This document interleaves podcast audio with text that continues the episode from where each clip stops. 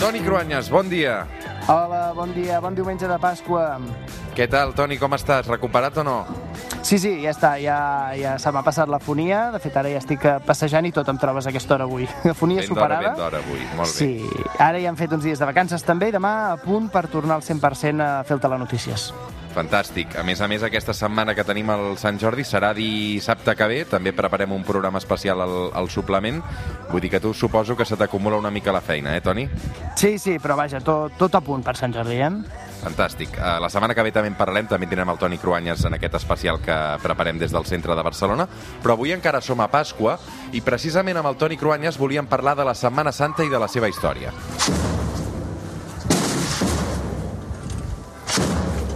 És una de les tradicionals processons que hi ha aquests dies per tot Catalunya. Avui amb el Toni parlarem de la Setmana Santa des d'una perspectiva una mica diferent, per això, Toni. A veure, sí, una mica diferent i fins i tot et diria un punt de vista reivindicatiu, perquè avui parlarem del paper de les dones a la vida de Jesucrist, a la Bíblia, de les poquíssimes dones que hi surten, clar. Realment, si fem una mirada ràpida, eh, tots els protagonistes d'aquests dies són homes, els 12 apòstols, els dos lladres, els romans, Pons Pilat, no? Només hi ha tres o quatre noms de dones que realment sonen a la Bíblia. Tot plegat, clar, doncs té a veure amb el masclisme que impregnava les societats de les que van sorgir els textos sagrats, des del principi. M'atreviria a dir que a l'Antic Testament, que són textos de la religió, de la religió judaica, recordem-ho, hi surten més dones que al Nou Testament, però gairebé totes tenen un paper negatiu. A veure, el primer, eh, Eva, la primera dona, que seria la culpable de l'expulsió del paradís per haver incitat Adam a menjar la poma prohibida. Recordem que, segons la Bíblia, Eva va néixer de la costella d'Adam. la dona com a mer complement de l'home. Aquest és un dels grans eh, temes també de les dones als textos sagrats. Un altre dels noms importants de l'Antic Testament, Sara, l'esposa d'Abraham, a qui Déu li va donar el miracle de tenir un fill als 90 anys. I, de fet, va ser així, eh, almenys això diu la Bíblia. L'objectiu era que Abraham, que és el gran pare dels profetes, tingués descendència. De fet, Sara va incitar a Abraham que tingués un fill amb la seva esclava, Agar, però quan Sara va tenir el seu propi fill, Isaac, va expulsar a Agar de la tribu. Va, i encara dos noms més de l'Antic eh, Testament de dones conegudes. Eh? Un molt conegut, Dalila, que va trair el seu enamorat, el guerrer Samsó, demanant-li que es tallés els cabells perquè perdés la força. Samsó ho va fer així, d'aquesta manera els filisteus, que eren enemics d'Israel, van saber com havien de matar Samsó.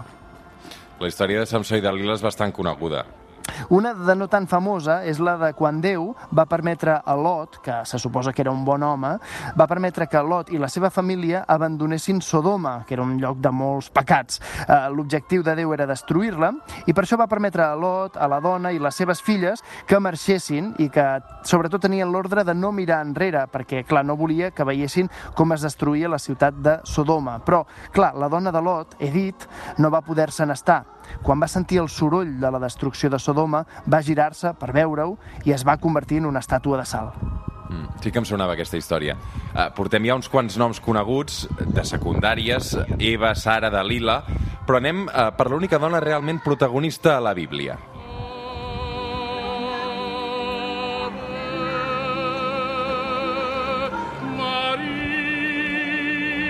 Sentim aquest Ave Maria de Charles Gounod. Uh, has anat a buscar una de les melodies més clàssiques que parlen de Maria, la Mare de Déu, Toni. A veure, també tinc una alternativa, una cançó més hortera. Realment, eh, ara estem espatllant una mica uh, l'espai, però, però segurament aquest també és molt celebrat per, per aquests últims anys de molta gent, de David Bisbal. Eh? Ja veus que la cosa de la Mare de Déu encara funciona com a icona popular, fins i tot avui en dia. Eh? A veure, la universalitat de la figura de la Verge es deu a que si fins ara a la Bíblia hem vist dones amb atributs negatius, en el cas de Maria és tot el contrari, té totes les virtuts. És l'encarnació de la figura de la Mare. Aquí fins i tot se li estalvia el pecat, això és molt jueu i molt cristià, el pecat del sexe, perquè ella es va quedar embarassada, com és sabut, per l'Esperit Sant, per Déu. En convertir-se la divinitat en tres, en Pare, Fill i Esperit Sant, d'alguna manera, per fi, una part de la divinitat també és una mica femenina. Per això la gent resa tant a la Mare de Déu, tant, és tan famós el Pare Nostre com també és famós l'Ave Maria. La Mare de Déu és protagonista en el naixement de Jesús, o sigui que el seu moment seria més al Nadal i no tant la Setmana Santa, per això. Eh, sí, en això, en això hi estic d'acord, sí. Eh, durant eh, la passió i ara la resurrecció de Jesús, la seva mare podríem dir que pràcticament és una més dels apòstols. Deixa'm parlar, doncs, de dues dones més properes a aquest temps, a la Setmana Santa, eh, a veure si les endevines. Una és dolenta i l'altra és bona. A veure, una pista, va. Va, per la dolenta, una pista també musical i també hortera. Salomé, home, Salomé de Chayanne, eh, eh, realment avui autèntics hits amb el Toni Cruanyes, eh? és una mica raro això de parlar de la Bíblia amb aquestes cançons, no? Però a veure, la cançó, és, que la, és que clar, la cançó ho diu tot. Baila que ritmo te sobra. Doncs això és el que va passar amb Salomé a la Bíblia. Era una princesa romana de Judea, tan bona ballarina, que un dia, després de veure-la ballar, el seu padrastre, Herodes Antipes, li va dir que li demanés el que volgués. I ella li va demanar el cap en una safata del profeta Joan Baptista.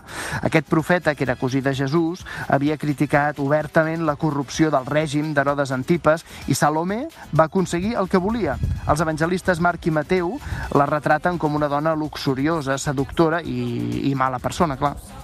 I després de, de Salomé, quina és la dona bona que ens queda per, per parlar avui?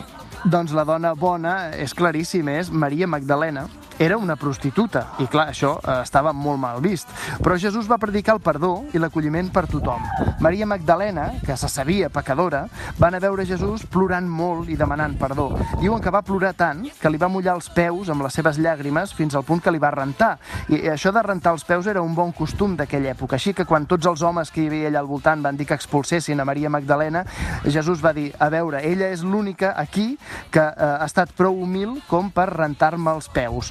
Per tant, Maria Magdalena va ser des d'aleshores una de les fidels més eh, clares seguidores de Jesús. De fet, estava present al peu de la creu el dia que el van clavar. I, i per cert, que de la seva història, d'això de, de plorar i rentar-li els peus, ve la dita de plorar més que una Madalena. Això és per les llàgrimes de Maria Magdalena davant de Jesús.